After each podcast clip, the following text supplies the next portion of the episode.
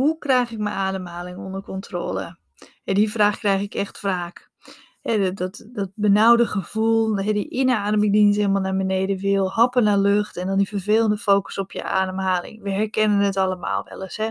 En hoe meer erop gaat letten, hoe vervelender het wordt.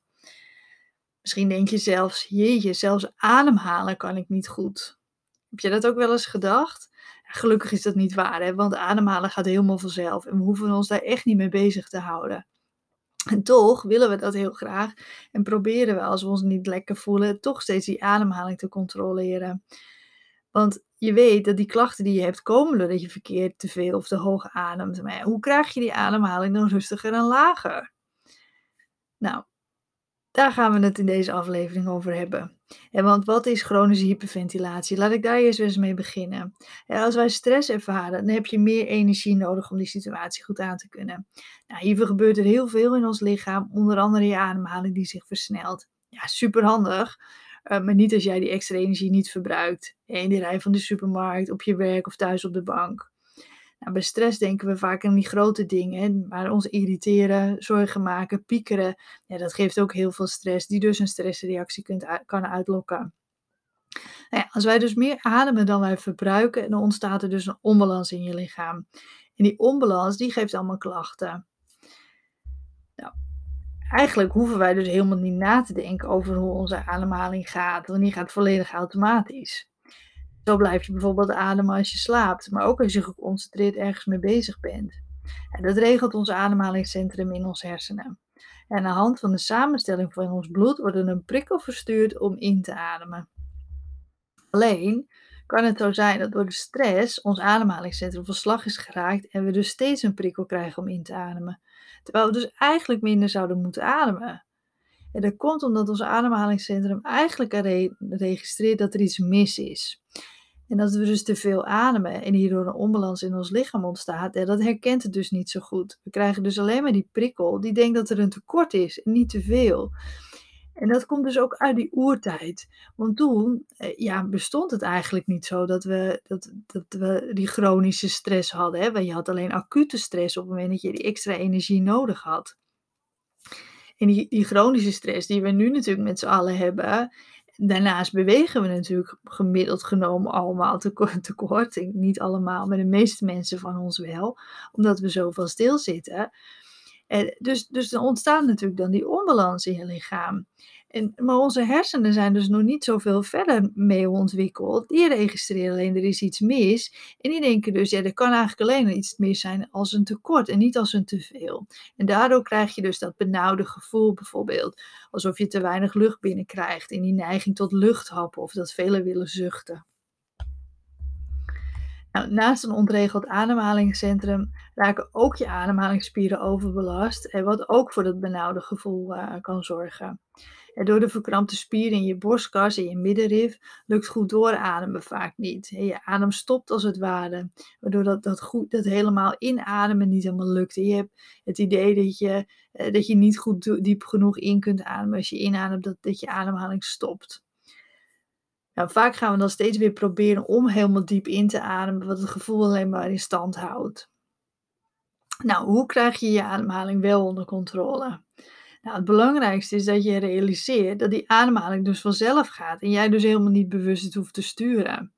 Nou, heb je het heel benauwd, zoek dan bijvoorbeeld afleiding. En doe het liefst iets wat je ontspannend vindt, zodat je rustiger wordt. En ga bijvoorbeeld iets creatiefs doen, zoals eh, tekenen, schilderen of puzzelen. Wat ook goed kan helpen, is een beetje rustig gaan bewegen. Dat zorgt ervoor dat je afleiding hebt, maar ook dat die balans in je lichaam weer gaat herstellen.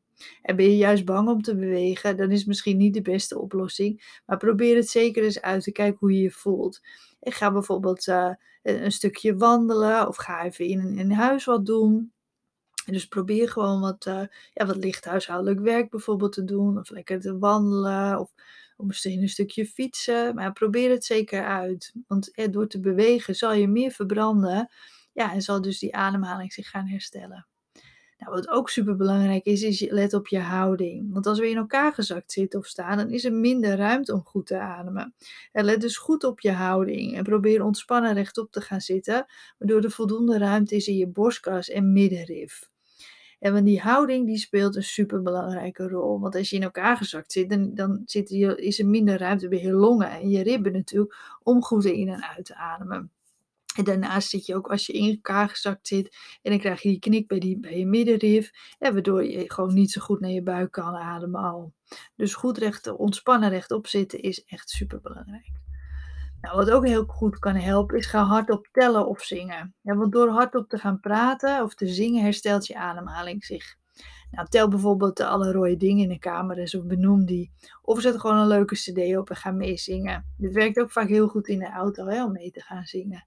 Dus let dan niet op uh, andere mensen, maar ga gewoon lekker uh, zingen.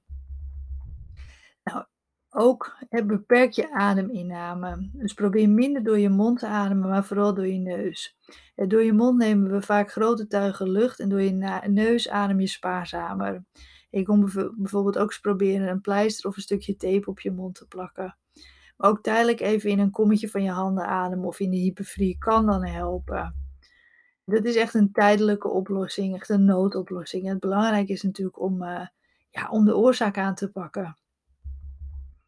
Ik, ademhalingsoefeningen door te doen bijvoorbeeld, hè, om je adem beter onder controle te krijgen en te houden, is het heel goed om ademhalingsoefeningen te gaan doen. Het doe bijvoorbeeld drie keer per dag ademhalingsoefeningen om te leren om je ademhaling rustiger te krijgen.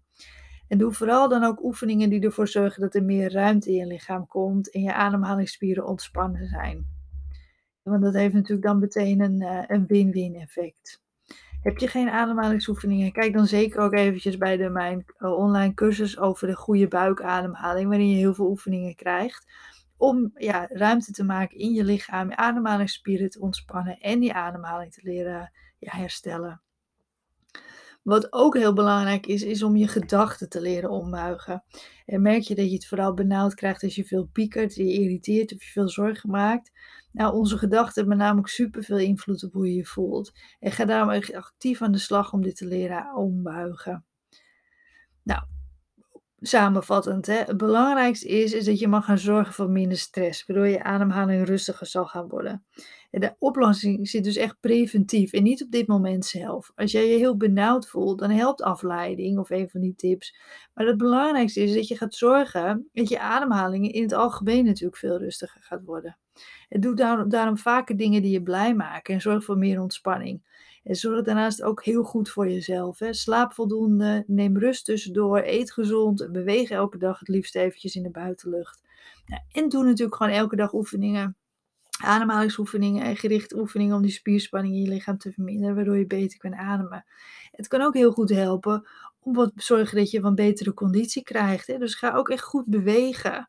Ja, want als je een betere conditie hebt, ja, dan, dan, dan verbrandt je lichaam eigenlijk automatisch al meer, hè, waardoor je ademhaling ook beter gaat worden. Dus hoe krijg ik mijn ademhaling onder controle? Eigenlijk dus gewoon niet, hè, want je ademhaling gaat helemaal vanzelf. Die hoeven we niet te controleren, die hoef je niet te sturen. Maar door die aansturing is het gewoon wel belangrijk hè, dat je minder stress hebt en dat je dat gaat aanpakken. Nou, ik hoop dat je hier ook weer veel van geleerd hebt. Meer lezen kan je op mijn website www.hyperventilatiecoach.